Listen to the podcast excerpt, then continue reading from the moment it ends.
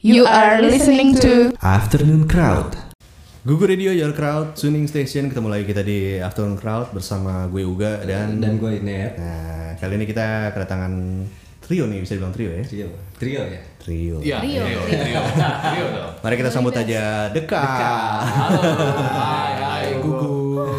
dekat-dekat Ini bukan Gogo, Gugu ya. Iya, Gugu. Gugu, bukan Gugu. Gugu. Gugu. Lucu sih. Gugu gitu. nih coba bisa diperkenalkan dulu di ada siapa aja nih di dekat nih. Halo, gua Cefrina, cewek satu-satunya di band. Gua Kamga. Gue Tata. Oke. Ini kayaknya familiar ya, net ya. familiar familiar semua Iya. Pada tua soalnya.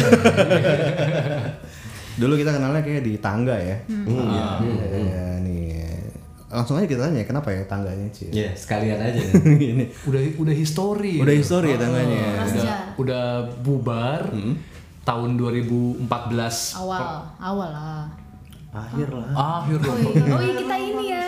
Timpang tindih ya. Iya, udah udah men- menjelang 2014 menjelang akhir bubar tangganya.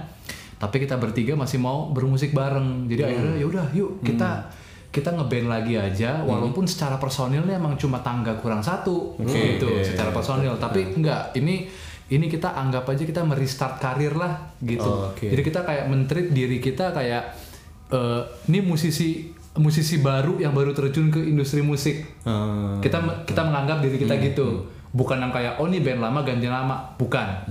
Tapi ini band lama bubar ini band baru nih dekat. Nah dekat itu berdirinya kita kita jadiin apa ya ulang tahunnya dekat tuh September 2014 karena bertepatan sama rilis album eh, mini album pertama gitu Oke, teman-teman. Itu sebenarnya alasannya kenapa? Apa yang membedakan tangga dengan si dekat ini selain personilnya kurang satu? Um um umur. umur umur ya. Alasannya sih gini sih. Jadi emang waktu pas kita mulai tangga itu kan gue pribadi umur umur 15 tahun. Tata 17 tadi. Tata 17 tahun terus ya eh, apa kita masih mimpinya tuh simple gitu. Eh, terutama gue pribadi ya Tata sih nggak tahu. Tapi mi- mimpi gue simple cuma pengen jadi penyanyi terus terkenal. Udah gitu. Terus tiba-tiba di umur 17 tahun beneran kejadian gitu. Beneran kejadian terus eh, apa ketika si album keluar ya udah happy segala macam. Tapi pas udah jalan beberapa tahun kemudian gue tuh ngerasa kayak memang waktu pas masuk ke tangga pas ditawarin masuk ke tangga memang eh, musik yang tangga usung itu berbeda sama musik yang biasa gue nyanyikan waktu gue sama band gue dulu di Bogor gitu waktu waktu masih ya waktu masih jadi mus apa musisi amatiran lah gitu Eh, cuma gue punya kepercayaan kalau akhirnya si tangga ini akan bisa mengakomodasi keinginan bermusik gue nantinya Akan bisa ke sana Iya. itu arahnya gitu Mungkin kan kalau misalkan awal kan biasanya oh harus kenalan dulu nih gitu. Hmm. Tapi nanti lama-lama bisa bikin yang sesuai. Ternyata hari itu nggak pernah datang. Oh. Gitu. Dan dan dan, dan, akhirnya gue pun maksudnya mungkin di saat waktu pas si eh, kita apa eh, ngebubarin tangga terus bikin dekat itu dalam keadaan marah mungkin gitu. Cuma Hmm. kayak karena sekarang udah makin tua lagi ya gitu. Gue bisa mengerti sih kenapa itu nggak datang. Kenapa nggak datang? Karena emang tangga bukan band bukan band kita gitu. Kayak tangga adalah sebuah sebuah sebuah sebuah manufaktur lah dari da- dari satu manajemen yang yang punya visi gitu untuk ngebuat eh, kelompok vokal yang mungkin di Indonesia belum ada dua cowok dua cewek dengan ras yang berbeda-beda dengan bawain lagu seperti itu gitu. Dan eh, ya gue di sana quote bekerja lah gitu kasarnya gitu. Jadi kayak akhirnya emang satu-satunya cara untuk kita bisa mainin musik yang emang kita mau dan ceritain cerita yang emang kejadian di kehidupan kita sehari-hari ya emang cuma dengan bubar dan bikin band baru gitu. Nah, a- a- akhirnya itu yang kita ambil walaupun kita tahu eh, apa namanya akan ada satu fight yang kita nggak akan bisa kalahin yaitu fight kalau muka kita tangga. Di- Oh, itu kayak iya, fight yang kita nggak akan pernah bisa menang gitu. Jadi ya ya udah selama iya aja. selama kita bisa hidup sama itu tapi kita bawain musik kita yang baru ya ya udah jalan aja gitu kalau ketemu orang selalu disebutnya Iya. "Eh, tangga tangga Betul. Wah, masih sangat itu. Jadi kalau dia, kalau Tata bilangnya, weh Mas Didi gitu. Kalau kamu nggak dibilangnya Mas Tangga. Udah bahkan mereka nggak tahu the real name-nya kan mereka bahkan nggak tahu. Oke. Tapi yang tadi sempat bilang tumpang tindih tuh. Berarti pas eh, tangga masih ada, ini juga jalan gitu atau Iya. gimana? Jadi Iya. em, karena waktu itu kebetulan tangga masih ada beberapa event eh, yang udah sign gitu, yang, udah kebu- udah keburu yang diterima keburu gitu. diterima, keburu diterima untuk eh, di bulan di bulan akhir lah November Desember gitu. Jadi akhirnya kebetulan juga dekat kan sebenarnya officialnya juga belum official banget kan saat Oke. itu cuman ya kita bagi dua aja gitu ketika ini harus jalanin dekat ya kita fokus di dekatnya ketika kita masih sisaannya tangga ya kita akan men- menyelesaikan pekerjaannya. Kebetulan kan memang di dekat ini ya karena band baru ya start over jadi kita emang nggak ada kebingungan apa pun kecuali muka karena lagunya pun kita nggak bawain. Hmm. Penyebutan apa pun kita juga nggak mau disebut itu. Karena nanti kan orang ekspektasi ya ketika lo menyebut tangga ekspektasinya lagunya yang itu gitu. Ekspektasinya moodnya seperti itu. Sedangkan iya nggak bisa gitu. Makanya kayak kita menerima bahwa mukanya emang udah nggak bisa berubah. Kecuali kayak banget dan bisa operasi. Iya kecuali kayak banget dan bisa operasi. Tapi ketika kita udah bisa nerima ya sudahlah mukanya emang milik bersama dan kita punya history itu. Tapi selama kita nggak diganggu gugat masalah lagu misalkan ah tolong dong bawain lagu tangga. Eh nggak bisa lah gitu. Ini kan ini kayak udah Tapi chapter ada yang minta? Sampai hari ini masih. Selalu ya. sampai hari ini sampai hari ini anggapan tentang dekat adalah tangga yang berubah nama. Itu dia gitu. Sedangkan kan dekat ini adalah eh, personila tangga yang membubarkan tangga dan bikin band baru namanya dekat. Yang mana kita nggak akan It- ya, bawa ha- lagu. hal hal itu yang mungkin emang pasti buat orang tuh bingung kan. Iya, iya. Ah, lo kan mukanya sama, personil sama, ya kurang satu sih. Nama beda. Ya gue pikir ya mungkin lo kayak netral, kayak no, kayak Noah gitu, Iya. atau kayak Dewa, Dewa 19 jadi Dewa doang, tapi ya lagu Lagunya tetap cukup. Siti Nurbaya udah bawain bawain aja gitu. Ah, it- itu mungkin apa dekat tuh jadi kayak hal yang yang anomali kali jadi jatuhnya ya. Iya. Wah ini mungkin gue nggak tahu belum pernah ada atau mungkin kalaupun ada sangat jarang kali di Indonesia yang kayak ini begini nggak ini enggak kok ini ini, ini beda nih different gitu. Gue gue nggak tahu nih tangga apa gue nggak tahu gue nggak kenal gitu. Yang gue kenal ya dekat dan dekat tuh lagunya ini. Jadi ya kita bawain ya ini. Kalaupun kita kurang lagu, waduh main sejam nih lagu kurang nih Ya kita cover aja udah cover yang kita suka gitu Dan kenapa eh, bertiga nih? Yang satu lagi nggak diikut juga gitu? Dia menikah dia memutuskan untuk eh, oh malah dari dianya sendiri yang dari dari mulut dia sendiri eh guys gue resign ya. Oh ya wes ya udah. Dan itu resign di zaman tangga ya? Heeh, resign di zaman tangga bukan oke. bukan pas ini. Jadi kita udah cabut dari manajemen cabut dari label dia sendiri bilang eh ini kan gue bakal nikah nih kayak bakal susah nih gini gini gini terus gue bakal ke Surabaya for good gitu terus gue resign oh ya ya udah nggak apa-apa nggak masalah Iya. ya udah gitu Tapi yang sekarang nih, gak mereka lebih keren. Kalau gua, gua udah lihat live-nya kemarin. Oh iya, di eh di mana Kedubes. terima kasih Ini yang megang kedubes Bekasi Yes. ini. Mas Peter cerita kemarin, Oh, oh, iya. harus datang mulai aja. terima kasih Oh. Iya, iya, iya. Gue juga pas Semoga datang pas nonton, oke ini akan bawain tangga gak ya? Iya, iya. Ternyata, wah, Beda banget ya. be- keren sih. Eh. Gue suka Eh, yang terima ini. kasih ya. terima kasih terima kasih terima kasih Lebih lebih ini masing-masing, lebih influence-nya masing-masing lebih keluar ya. kan gitu ketika lo udah nggak di apa ya eh, ketika pakemnya udah sesuai kita pakemnya masing-masing ya emang udah nggak ada eh, Batasan boundary- eh, eh, iya. batasannya sesuai. Pokoknya nomor satu buat kita adalah lagunya ini enak buat kita. Kitanya happy sama ceritanya kita happy sama musiknya. Kalau ntar orang lain yang mendengarkan relate relatable atau happy juga kita sih seneng banget. Tapi kalau misalkan orang lain gak happy tapi kitanya happy kita akan tetap keluarin. Oke. karena ber agak bel- belasan tahun ngomong buat orang tapi kitanya sendiri nggak Kayak masa gini. kayak ya ceritanya nggak familiar gitu mungkin kayak kamu nggak nggak pernah disakit hatiin tapi dia harus kayak oh sesungguhnya aku gitu kayak gitu Sungguhnya aku berpura-pura. Jadi Gitu fake sih. ya. Oke, Kratoners kita break dulu tapi kita akan balik lagi di Afternoon Crowd masih akan eh, ngobrol-ngobrol seru nih bareng dengan dekat. Jadi Dekat. jangan ke mana-mana. You are listening to Afternoon Crowd. Balik lagi di Afternoon Crowd masih bersama dekat. Iya. Ah, Dekat ini berarti udah ngerilis satu EP sama satu album nih ya? dua EP Eh dua EP, dua, EP. Satu album. Satu album. Jadi EP-nya itu tahun berapa aja tuh? 14, 16, 18, 2014, Oh, oke. 2016, 2018. Yang album itu bukan dari EP tapi baru lagi semuanya. Baru lagi. Kita di eh, rilis Oktober 2018. Oktober. Oh, Oke. Oh 2014 sudah. Ada EP satu. Jadi uh, si September pas kita dekat keluar Lumayan. itu barengan sama EP pertama. Judulnya lahir kembali. Itu 2014 terus di April 2016 kita uh, EP kedua judulnya meranggas. Dan di Oktober 2018 full album uh, Numbers. Hmm, Oke. Nah, perbe- perbedaan yang jelas banget nih eh, dari tangga nih apa dari dekat dan tangga ya? Ini sorry gue kaitin terus ya. kalau di tangga kan eh, kayaknya nyanyi semua ya. Nah, kalau di sini nih gimana nih? Kalau di dekat ini perubahannya gitu selain nyanyi gitu. eh apa ya mungkin eh, waktu pas kita pertama kali bikin si EP pertama yang kita pengen tuh cuman Waduh gue mau beda. Udah pokoknya se Oke. sesimpel itu. Pokoknya eh, orang tahu gue gimana Gue mau beda. Udah. Eh, Apakah pura-pura ngebedain diri? Nggak juga gitu. Cuma emang fokusnya Maksa fokusnya lebih ke musik gitu. Pokoknya musik harus beda musik harus beda. Udah akhirnya keluar si EP yang pertama gitu. Eh, dan kita happy sama hasilnya. Terus waktu pas kita bikin si EP yang kedua kita coba buat cari tahu lagi oke nih kita jangan sekedar bikin beda. Kita tuh sebenarnya gimana sih? Gitu. Oke. Terus akhirnya udah kita coba eh, cari dan EP kedua tuh kayak yang paling elek- paling elektronik ya kayaknya. Yang paling apa apa eh, EP kita yang paling elektronik. Terus ketika EP itu beres keluar terus setahun setelah itu sekali lagi suka sama hasil EP-nya tapi kita kayak kita tuh nggak elektronik ini tahu sebenarnya. Gitu. Sebenarnya kita tuh gimana sih? Akhirnya jadi emang si album ini kayak proses pencarian. pen- pencarian jati diri kita secara musik dan secara nyanyi itu kayak apa gitu.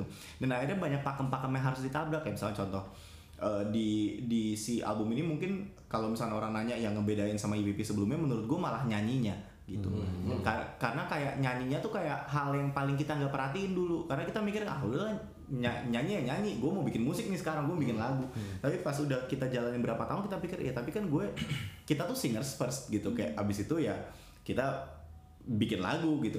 Jadi gimana ya caranya supaya kita bisa nemuin gaya nyanyi yang emang cocok sama jati diri kita sebenarnya. Sampai akhirnya gue pribadi kayak berusaha buat internalize gitu. Apakah gue ini penyanyi bersuara merdu ya? Cuman karena orang-orang suka sama suara gue karena suara gue merdu. Apakah gue emang nyanyinya suka kayak gini atau karena gue liat orang-orang hitam nyanyi kayak gitu terus gue berusaha jadi kayak mereka. Gue sam- sampai mikir gitu. Dan akhirnya ternyata jawabannya bukan. Jawabannya tuh bukan gitu. Gue gue akhirnya kayak ketika mau mulai buat bikin jadi Oke, ini gue agak mundur lagi ya. Iya. Si album ini eh, udah ada dua single sebelum rilis. Jadi si Numbers itu waktu itu ada satu single namanya 20 sama Money. Jadi waktu kita bikin 20 pertama kali itu lagu yang kita produksi sendiri pertama kali gitu. Gue coba bikin nyanyi, terus gue kasih denger dia, gue gue denger cek, gue bilang sama dia, "M- menurut menurut kamu aneh nggak nyanyi begini? Terus dia bilang, "M- kalau menurut gue, lo emang nyanyi harusnya gini sih gitu. Tapi gue sendiri masih nggak pede karena gue nggak pernah nyanyi begini sebelumnya. Orang-orang tuh taunya gue nyanyi nggak kayak gini. Terus akhirnya coba memberanikan diri sampai akhirnya satu album semuanya begitu. Dan dan gue akhirnya ngerasa oh kayaknya gue emang gini deh. Maksudnya ketika udah nggak ada tuntutan apa apa lagi gini. Sama kayak Tata. Tata tuh orang yang sangat kalau kalau gue perhatiin ya gue temenan sama dia lama. Nggak mau di efek dia tuh orang satu dia dia dia, dia anti efek banget. Pokoknya gue nggak suka bunyi efek segala macam loh. Dan yang kedua dia tuh takut banget di- dibilang poser. Kayak kayak menjadi poser tuh hal yang sangat menyeramkan lah buat dia. Jadi dia tuh dulu selalu kesel gara-gara kalau pas zaman tangga si produser gue itu tuh jago banget bikin reggae. Jago banget. Setiap album Iya, selalu setiap menyelipkan album- satu setiap album pasti ada lagu. Satu satu lagu satu lagu reggae. Iya reggae. Dan dia emang jago bikin kayak rap rap apa Hmm. rasta gitu tuh jago gitu. Tapi dia enggak gitu. Jadi kayak dia akhirnya dipaksa buat kayak gitu. Jadi setiap lagu reggae-nya tangga dia pasti jelek banget gitu. Gara-gara dia berusaha kan gitu. Dia berusaha udah. Terus tiba-tiba eh, eh, kita waktu itu sempat waktu pas sebelum si album ini rilis kita sempat eh, kerjasama sama satu produser na- namanya Purple Duct Tape. Kita bikin lagu bareng sama dia. Terus dia bikin lirik lah pokoknya dia nge-rap rasta gitu terus pokoknya eh, apa namanya gue eh, eh, apa sih lirik lirik lu You can see I'm not a A dready Rastafari, Rastafari. I'm not gonna try to copy or be Marley gitu. Dia dia, dia maksudnya bikin kayak iya, ya ini nih gue cuma bercanda doang ini segala macam tapi gue nggak kayak gini. Terus gue bilang sama dia, gue lu mau nggak bikin semuanya rapnya rasa gitu. Terus dia kayak wah gila lu gue nggak mau lah ini jelek segala macam terus gue bilang sama dia enggak karena gue dengernya nggak kayak reggae gue dengernya kayak orang Arab nge-rap karena kayak karena dia bercanda berusaha dia jadi kayak malah keluarnya Arabik gitu. Dan gue kayak menurut gue keren sih main coba aja. Dia takut banget. Pas dia bikin semua langsung bagus terus gue terus gue akhirnya gara-gara lagu itu beres terus gue bilang sama dia eh lu mau nggak nih kita satu album tes yuk. Gue juga nyanyi baru nih. Lu mau nggak coba buat bikin si rap lu? Emang fokusnya kayak ya udah lu bayangin ke arah situ aja. Dan pas kita udah mulai ngomong gitu ternyata bikin rap kayak gitu buat dia gampang banget gitu. Sama kayak gue bikin nyanyian gue Iya. sekarang gitu. Nah, akhirnya kayak udah kayak oh ternyata ini malah harus kita harus kita Lestarikan. apa explore ya gitu. Bukan cuma sekedar musik kayak gimana segala macam gitu. Karena emang kita bukan kasarnya ya kita produser produseran lah gitu. Untungnya eh, chef orang yang dari awal udah tahu jati diri dia siapa gue ini penyanyi pop titik gitu. jadi ketika waktu pas bikin IP, ya, EP 1 2 nya dekat kan emang kita maksudnya kita tuh takut banget buat main di ranah pop gara-gara dulunya kita band pop gitu. Tapi ketika udah di yang sekarang akhirnya jadi lebih enak karena emang gue sama Tata harusnya udah nggak kedengeran itu sama sekali. Jadi setiap suara dia masuk lagu itu balik lagi oh lagunya gini gitu. Nah, akhirnya jadi kita ngerasa kayak oke deh kayak ini format yang paling yang paling cocok gitu yang mungkin harusnya bisa ngebedain. Jadi kalau misalkan eh, pertanyaannya sekali lagi adalah yang ngebedain dekat sama tangga itu apa? Jawabannya simple, denger aja gitu. Karena harusnya kalau didengar harusnya harusnya beda Harusnya. ya. Kerasa bedanya Iya. Dan mungkin emang lebih apa elektroniknya lebih kerasa kali ya. iya Iya. Itu eh, ada eh, referensi atau look up ke siapa nggak maksudnya? Oh bikin kayak si ini yuk gitu atau bikin referensi Iya. setiap ya setiap yang kita kerjakan dari EP 1 ke EP 2 ke Numbers kita pu- kita punya lah referensi gitu ya. Eh, ditambah juga kesukaan pribadi masing-masing. Kamga suka apa chef apa gua apa gitu. Cuman tapi memang entah kenapa eh, apa yang kita suka itu nggak bukan yang terlalu apa ya bukan yang terlalu nyebrang banget. Oke lah mungkin gue mungkin gue penyuka rock gitu. Mungkin yang paling agak menyeberang ya gue gitu. Karena gue suka gue sangat suka rock. Tapi gue pun juga suka yang yang gue juga suka hip hop gue juga suka yang cukup elektronik gitu. nah Kamga Chef pun suka di situ. Akhirnya kita ketemu di Imagine Dragons. Ketemu di Bastille. Ketemu di Ellie Goulding. Ketemu di. James Blake James Blake. Ketemu di MIA nah udah tuh itu dari EP 1 ke EP 2 sampai ke Numbers bahkan kita jadi kayak makin mengenali lagi. Oke kalau Kamga suka pop elektronik R&B elektronik yang seperti ini. Chef seperti ini gue seperti ini. Tapi tetap kita ketemu lagi di satu titik lagi. Apa titik itu? Dance hall. Gitu. I don't know why. Nggak tahu kenapa. Nggak nggak pernah direncanakan. Namanya namanya kesukaan kan gitu kan. Nggak sengaja aja suka di dance hall. Suka di agak ya beat agak dub agak reggae tuh kena rupanya gitu. Dan itu didapetin di MIA didapetin di Asian Dub Foundation. Despacito. gitu. Masih Di- kaki Lagi lagi. di di beat di di beat beat Afrika gitu kan. Beat beat Latin itu dapet di situ gitu. Maksudnya ki- kita menyukai itu gitu. Gue inget banget waktu yang pas kita main di ini kalau nyebut nama acara gitu apa apa nggak. Sih apa-apa ya? Apa-apa. dulu waktu Sounds Fair kan Wah anjing Asian Dub Foundation main Oh, iya, iya, gitu. iya, kita nonton. Kan Jeff harus nonton harus nonton. Boom, mereka kayak anjing dihajar, dihajar sak mati. Mabok kuat. mereka gitu maksudnya kayak ya itu kena gitu ternyata ketemu lagi di situ gitu. Ada aja selalu ketemunya gitu. Dan juga kalau kalau live kan eh, kalian megang instrumen juga ya. Iya. Itu tuh apa aja bisa jelasin nggak? Apa Jadi, yang eh, gue pegang sequencer, em, si Ta- Tata pegang sampler, semua bentuk sampling kebanyakan dia yang pegang. Chef main synth. Em, kalau misalkan acaranya berbudget kita buat drummer. Oke. Gitu. Kalau misalkan acaranya nggak berbudget, Bertiga drum aja. machine-nya dari gue. Gitu. namanya satu doang. drummer. Biasanya siapa pakai drummer ya? A- a- a- ada satu, eh, dia, dia juga produser sih sebenarnya, namanya Clav. Clav. Ah, ah. Kalau lo tau RL Clove, Iya, RL Clav. nah si iya, Clove-nya iya, kita iya, ambil. iya, iya, iya. Tahu dong sih. Silakan dicek, eh, bagus banget. Nah, eh, dari yang album perdana ini kan udah ada empat, empat single ya? Ya. Iya. Empat single. Nah itu apa aja tuh? Yang pertama 20, yang 20, pertama 20. 20. Kedua Money, Hmm. ketiga John Cena, keempat Friends. Empat friends ya. ceritain itu dong John Cena tuh Judul, judulnya menarik. Ayo Oke. Muhammad. jadi jadi eh, eh, waktu kita mau bikin album gue sempat colongan lah gitu kerjain sendiri di rumah gitu Em, bikin lagu judulnya King Kong gitu terus gue suka banget sama lagu ini tapi gue kasih denger mereka berdua mereka nggak ada yang suka gitu. jadi emang cuma gue doang yang yang pas suka akhirnya kita rombak lagi lagunya gue tuh tipe tipe orang yang kalau lirik tuh gue nggak nulis gitu. Gue tuh emang nyebutin aja apa yang enak aja gitu. Terus dia lagi main main gitar di rumah kita lagi cari ca- cari apa lagi cari cari notasi lah gitu. Tiba-tiba gue apa eh, apa gue bikin eh, eh, Pass that bong, let's cause I miss Damina Sing a day, sing a day, ah we smack it aja Cina gitu. Terus, terus gue kayak enak ya gitu. Terus kayak, enak ya terus, itu, terus dia ngomong- dia nanya kamu ngomong apa? Aku ngomong smack it down John Cena. Terus lagu tentang apa gue juga nggak tahu. Tapi ini enak nih gitu. Terus udah a- a- akhirnya kita waktu itu coba buat cari hook lain gitu. Pokoknya kita sebutin lah semua aneh-aneh Godzilla apalah pokoknya yang yang yang yang A juga ujungnya tapi lucu gitu. Nggak dapat akhirnya kita bikin John Cena terus udah jadi kita bikin ceritanya setelah itu nah akhirnya ternyata lagunya sedih sebenarnya gitu cuma cuma kayak cuma ya po- po- pokoknya hooknya ya Smack It Down John Cena dan kalau ditanya artinya Smack It Down John Cena apa gue juga nggak tahu pokoknya ya Asal gitu aja, aja ya. gitu pokoknya intinya gitu gitu Ternyata gitu gitu. iya Gue dari kemarin bertanya-tanya apa tentang apa. gitu. Terus kalau sedihnya sedih kenapa? Sedih. jadi jadi si John Cena ini cerita tentang em, itu cerita ini, ini, emang band ini kan selalu bikin lagu tentang kita bertiga. Gitu. jadi ceritanya tentang ceritanya tentang chef yang ngerasa jadi waktu dia itu waktu pas kita bikin dekat dia tuh sebenarnya nggak mau gitu. dia tuh pengen keluar dari tangga sendiri waktu itu. Karena emang eh, udah gue udah gue udah, gue, gue udah cukup musik gue nggak terlalu nyaman di sini gue mau ya apa kayak kerja kantoran kayak bikin bisnis kayak apa gitu. tapi gue menurut gue nih anak suaranya terlalu bagus buat nggak jadi penyanyi gitu. Kayak kayak kayak kayak kasarnya gini kayak gue ngerti ada orang yang bisa ngelakuin banyak hal dan mau ngelakuin banyak hal iya. Tapi kayak ketika lu dikasih segitu dan lu nggak pakai menurut gue mau bazir banget gitu.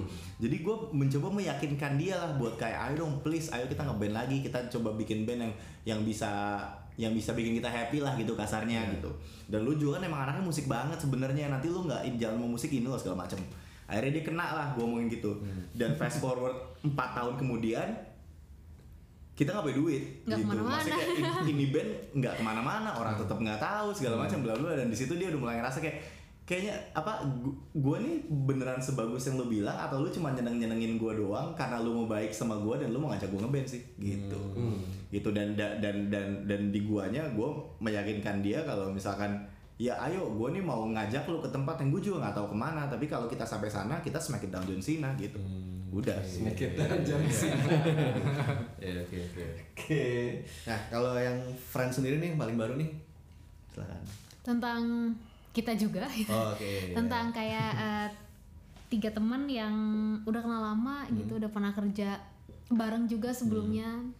Eh, terus akhirnya kita tetap jalan bareng ngomong-ngomong mimpi ngayal dan segala macam gitu. Sampai akhirnya kayak hampir sama sih sebenarnya tentang karir ini gitu. Kayak sampai sekarang kita juga belum ke mana-mana. Tapi kan kayak kalau dipikirin stres harapan pasti ada tapi realita belum kesampaian gitu. Antara ekspektasi sama harapan belum berjalan seimbang.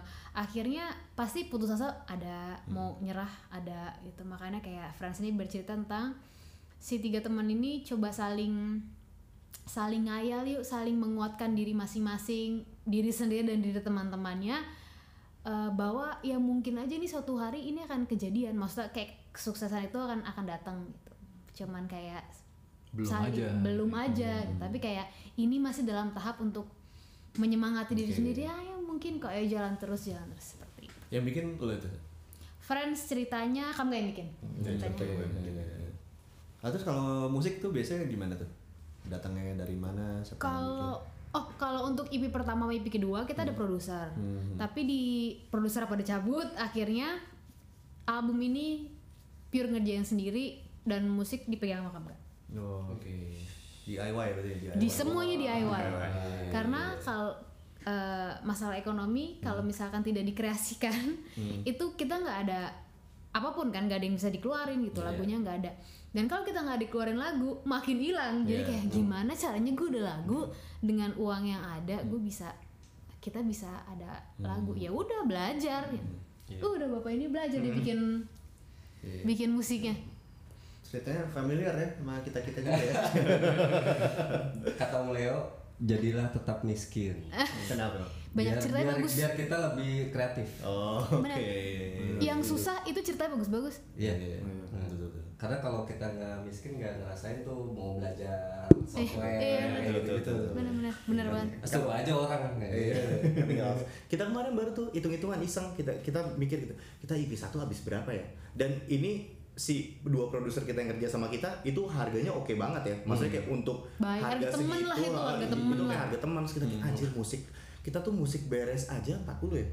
50 enggak 50 tunggu mix eh, sama mastering sekitar 60-an 60 60-an ya. Itu cuma lima lagu buat ya? lima lagu dan itu tuh murah gitu. Iya. dan gue yang kayak oh iya pantas kita makin lama makin gak ada duit gitu. Iya, Bisa bener-bener. buat ngabisin uang buat outsource gitu. Tapi emang ya memang outsourcing enak banget ya nggak usah mikir kan. Iya. tapi pada akhirnya ekonomi melanda ya nggak bisa nih kayak gini. Dan gak enaknya kerja sama banyak orang dalam arti kayak dulu kan sistemnya musik dibikinin tapi lagu dari kita. Karena kita bikin lagu eh, hitungannya gampang lah karena udah udah udah kebiasaan. Eh, tetep kan kayak ini misalkan lagunya dijadi tapi kalau musiknya dari dua orang kan rasa dia sama rasa kita beda gitu. Mungkin di rasa kita sedihnya level 3 di dia sedihnya level 1 kan pasti juga balutannya beda. Itu sih yang kita rasain sangat gede buat perbedaannya ketika bikin sendiri. Ketika bikin sendiri akhirnya rasanya nyambung ya karena ya dia yang bikin ya musiknya tahu gitu gimana. Itu sih perbedaan yang sangat signifikan kenapa akhirnya lebih enak bikin sendiri di luar stres capek ini gimana stuck musiknya harus diapain gitu Nah, Seru, seru. ya seru ya. Friends sendiri udah ada video klip ya? Udah. Nah, tapi kita ngomonginnya habis ini kita break dulu. Jadi jangan ke mana-mana. Oke, balik lagi di sesi terakhir di Afternoon Crowd masih bersama dekat nih ya. Nah, tadi eh, video klip dari Friends tuh yang bikin siapa tuh? Yang bikin itu sepupunya Kamba Oh, Oke, iya, iya. jadi namanya Karina Areta. Kayak setiap lebaran mereka dia selalu cerita lu kerja apa sih? Lu kerja apa? Yang ngobrol-ngobrol-ngobrol. Tiba-tiba di tahun ini akhirnya kejadian kerja sama sama Karina. Terus Karina ngajak eh, tim tim kecilnya eh, sama Alvin Rizkyadi sama Angelina. Jadi dia orang Prancis jadi marganya susah banget nyebutnya gue. Jadi daripada gue salah iya tapi gue jadi sama Angelina jadi bertiga doang. terus kita dipinjemin tempat kita disupport sama Maika Maika Collective. Minjem yaudah eh, syutingnya di situ seharian eh, di direct sama Ibu Karina dan Bapak Alvin. Terus yang eh, apa namanya motion sama project Iya, proyektor sama segala projector macam. segala macam itu Angelina yang ngerjain udah sesimpel itu ceritanya tapi hasilnya sih gila bagus banget ya Iya. bagus banget bagus banget Itu sama nggak nggak interpretasiin dari lagunya dengan video klipnya sama atau totally different gitu? Menurut kita sih sama dengan Iya. cara yang to- totally, Totally different. different. Jadi emang kita tuh bukan tipe orang yang suka ngasih tahu kita mau video klip gimana. Jadi kayak misalkan kita kasih lagu nih ke ke ke sutradara, terus kita nanya, lo kebayangnya apa gitu? Gue gini, ya udah. Gitu. Kerjain. Karena kayak kita, kita pengen ngerasa kalau kita, kita tuh selalu pengen setiap kita kerja sama sama sutradara emang ini karya bareng gitu. Jadi kayak dia juga bisa bikin itu jadi kayak portfolio dia segala macam gitu. Bukan yang kayak eh lu ambilin gambar gue gini. Kita pernah nyobain itu gitu. Kita pernah nyobain itu dan maksudnya hasilnya hasilnya oke gitu tapi nggak seoke yang kayak kalau kita biarin dia ngapain gitu kan nanti tinggal kayak oh ternyata cocok gayanya sama gue gue bakal sama dia lagi atau oh ternyata emang beda banget jadi ya udah nih kita kolaborasi di satu satu video gitu Oke, seru-seru banget. Ada yang mau tanya? Eh, udah semua sih. Udah semua. Gue pengen nanya ini sih. eh, sekarang kan bener-bener sendirian nih ya. Nah biasanya eh, ngapain sih biar eh, orang tahu gitu tentang si dekat ini gitu apa? Kalau kalau dulu kan mungkin udah ada yang ngurusin lah Iya, dulu ya ngurusin promo ya. dan lain-lain Promo-promo juga sendiri berarti sekarang. iya untung Cakhen bantuin iya cakian tuh. Kayaknya sih caranya kalau sekarang ya, maksudnya yang kita lagi coba lakuin sekarang tuh, eh kalau dulu itu kan kita emang caranya eh datang ke media, maksudnya kayak media tuh nomor satu gitu. Habis media ya kita coba ke Med- dan media konvensional ya, media, TV. media media konvensional, media-media besar, media yang kita yakin kalau kita ada di situ orang tahu gitu lah. Tapi pas akhirnya kita coba di dekat, emang bisnis modelnya sangat berbeda gitu karena emang kita nih salah satu contoh yang lumayan eh, lumayan anomali ya. Soalnya kalau misalkan dibilang kita band yang cocok di ranah major secara musik enggak. Tapi ka- apakah kita band yang cocok di ranah indie secara muka? Enggak. Gitu. Jadi kayak emang untuk kita bisa masuk ke pasar ke pasar musik gitu yang kita mau itu emang sulit gitu. Karena emang ada barrier muka ini gitu. Orang punya tendensi untuk kayak eh gue nggak yakin kalian Serius main musik deh. Gitu. Apalagi kita udah udah kayak mengusung nama indie nih sekarang. Pasti kan maksudnya kayak gue gue sih ngerti banget kalau ada band indie yang udah lama gitu. Terus tiba denger kayak ada band dekat dengan muka kita ngomong kita indie kan mereka pasti kayak apaan sih lo? gitu. Pasti kayak itu tuh gue tuh ngerti banget gitu. Jadi kayak akhirnya yang kita lakuin sekarang adalah kita akhirnya startnya ke komunitas dulu gitu. Kita kita coba deketin komunitas-komunitas yang emang mendengarkan musik dan selalu berusaha buat mencari musik baru dan start dari sana. Dan biarin beritanya grows secara secara apa sih bahasanya Natural. natural lah gitu nanti ketika abis dari situ baru kita coba bantu lewat eh, jalan lewat support media dan media yang kita pilih pun ya bukan yang media yang dulunya muterin tangga gitu loh. Maksudnya kan Oh, iya. karena kan beda ya gitu. Beda. Maksudnya kita pernah coba tapi Treatmentnya beda, Iya, treatment beda. Kita pernah coba dan efeknya ternyata malah nggak terlalu baik buat bu- buat apa kita gitu. Jadi akhirnya ya udah eh, kita fokus ke media media online banget gitu. Toh kita juga emang musiknya banyaknya di sana Sama media musik terutama Mm, sih. sama, sa- sama sama media musik eh Iya sama kayak kedubes Bekasi gitu, maksudnya kayak hal-hal seperti itu gitu. Terus eh, dan ya kita berharap semoga ketika mereka mau buat bukain pintu buat kita, akhirnya bisa bentuk kenalannya itu kenalan yang baik gitu loh, bukan kenalan yang kayak di manufaktur kayak ini kita bikin press conference di sini media datang bukan yang gitu, tapi emang kita yang datang bawa alat, gue boleh main gak di tempat lo, itu kan itu kan beda ya rasanya gitu. Itu yang kita lagi coba lakuin dan bakal terus kita lakuin sampai mudah-mudahan kita bisa sampai di tempat yang kita mau. Kalau dari ini apa namanya dari eh, apa ya penggemar kalian yang dulu gitu sejauh ini responnya gimana? Apa ada pro kon? Ya, maksudnya lu ngapain sih di dekat gitu? Misalnya di sosmed gitu ada yang komen-komen gitu. Ada, ada. kita ya? kita ganti pendengar banget sih kalau Iya. yang sekarang gitu kalau sekarang itu antara orang-orang yang punya cerita yang sama ter- ternyata punya cerita sama gitu atau orang-orang yang emang suka musik aja dijelin jadi dia mau dengar karena kalau pendengar dari yang dulu sih lima mungkin yang lima mungkin yang masih dengerin dekat dan itu bukan karena dia suka musiknya dekat tapi karena emang kedekatan kita dulu deket banget akhirnya sekarang mereka mau support gitu. Kita dulu ada beberapa fans dari zaman tangga yang pas kita udah di dekat terus kita bikin kayak jualan merch atau gimana mereka tuh beli. Karena emang kita deket banget gue mau support lo tapi mungkin lagunya emang gue udah enggak tapi kita punya history baik lah. Gitu. tapi totally kita pernah sering kita sering main di tempat-tempat yang kayak nggak tahu dekat itu historinya dulu apa? Jadi kayak eh lo band baru ya gitu. Terus tiba-tiba kayak temennya enggak enggak dia tuh tangga. Eh, kayak kenapa sih lo harus kenapa sih lo harus menghancurkan ini? Gitu. Kenapa sih nggak biarin aja dia tahu bahwa kita tuh band baru. Ada loh ya kalau kayak masih di Instagram itu di YouTube tuh ada loh kayak di YouTube lah terakhir di video klip fans kalau misalnya lo iseng gitu ngecek komennya gitu ada tuh nggak jelas enakan tangga oh iya dan dan menurut gue ya orang-orang kayak gitu bukannya dengerin tangga juga sih cuman emang caper aja Ya, Gitu. namanya juga keyboard ini warrior Iya, ya. mereka kayak emang cuma caper kayak entah mungkin mereka happy banget mereka dibilang ha- haters Iya. gitu. Mereka happy banget untuk melakukan sesuatu yang apa sih namanya kayak wah kon kon- kon- Kontroversial. kontroversial gitu. Tapi ya malah cara yang baik untuk eh, itu semua masa menghilangkan itu semua emang nggak dibalas sih. Ya, emang kita aja ya. kita fokus sama yang kayak eh, bahkan kayak gini gue kurang suka lagunya karena begini-begini tapi ketika akhirnya mereka compare kayak nyanyiin dong lagu tangga atau segala macem mending ya dibalas karena emang bentuk kecaperan aja.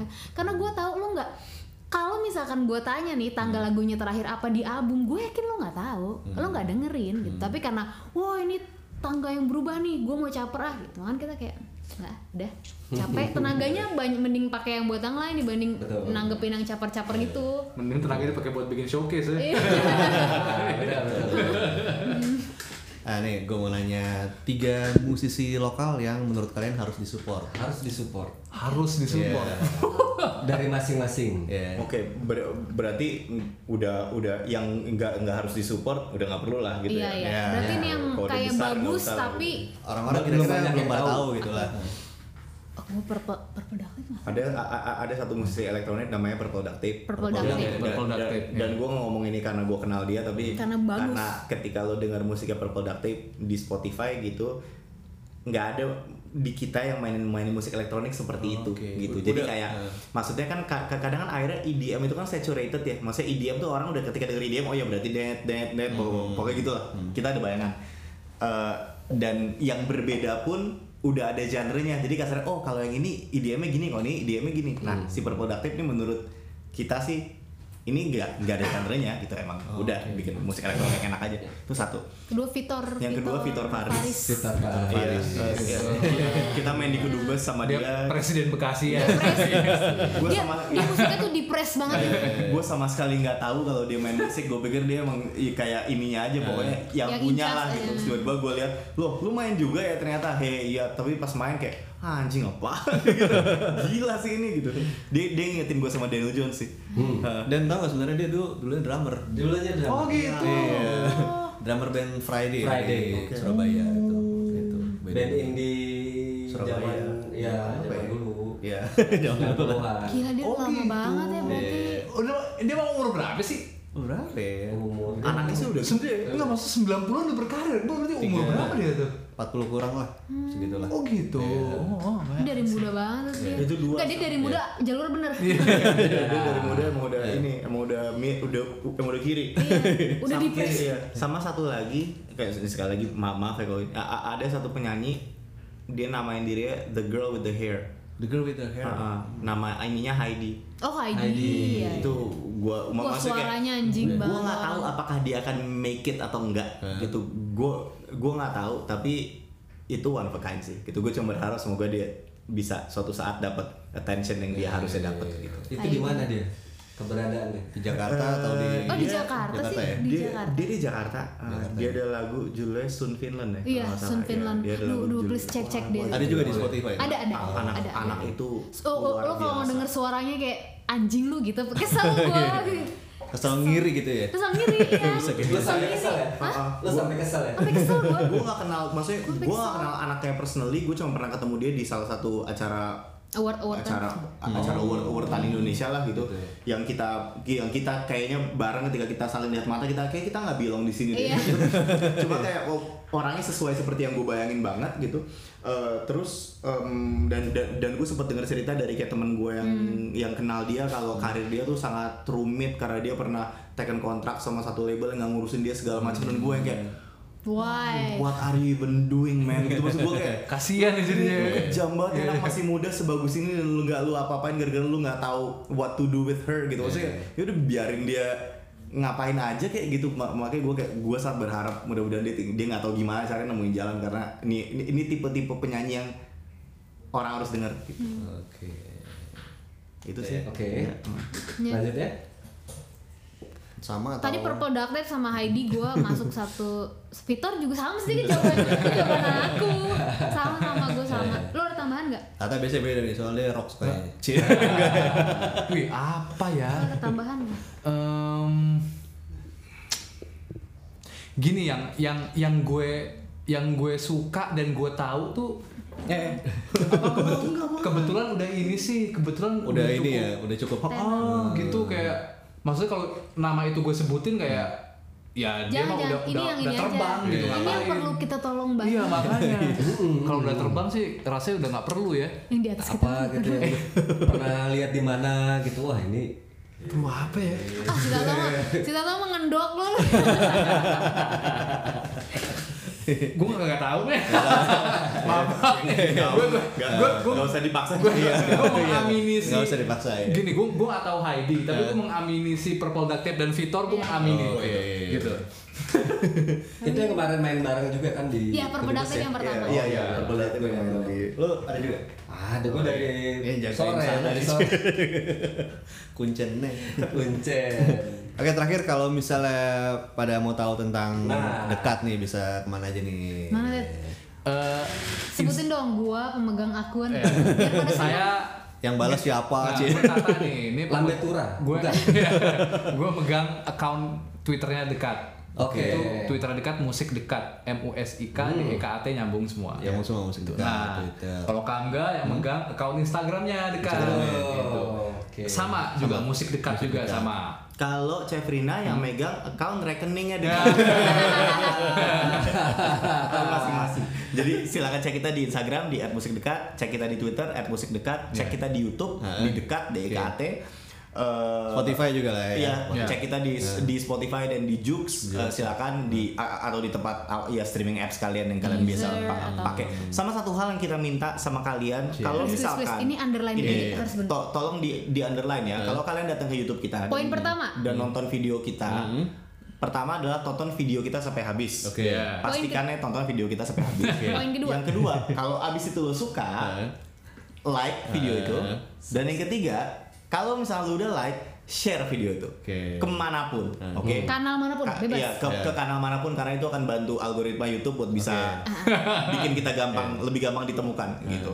Karena sampai sekarang kalau lu ketik dekat yang pertama keluar tangga dulu gitu. Jadi kayak untuk kita bisa ngalahin ini kita harus bersama-sama nih ngelakuin ini. Kita membutuhkan bantuan. Bantuan kalian semua jadi Begitu di itu langsung tangga. Iya. Iya. Karena iya karena si algoritmanya masih ya dia itu itu Wah, itu susah lah. Itu susah lah gitu. Itu susah. Jadi satu kayak- lagi, satu lagi, subscribe. Oh, iya, iya, iya, iya. iya, Iya, iya. kalian suka banget subscribe gitu. Kalian suka banget subscribe.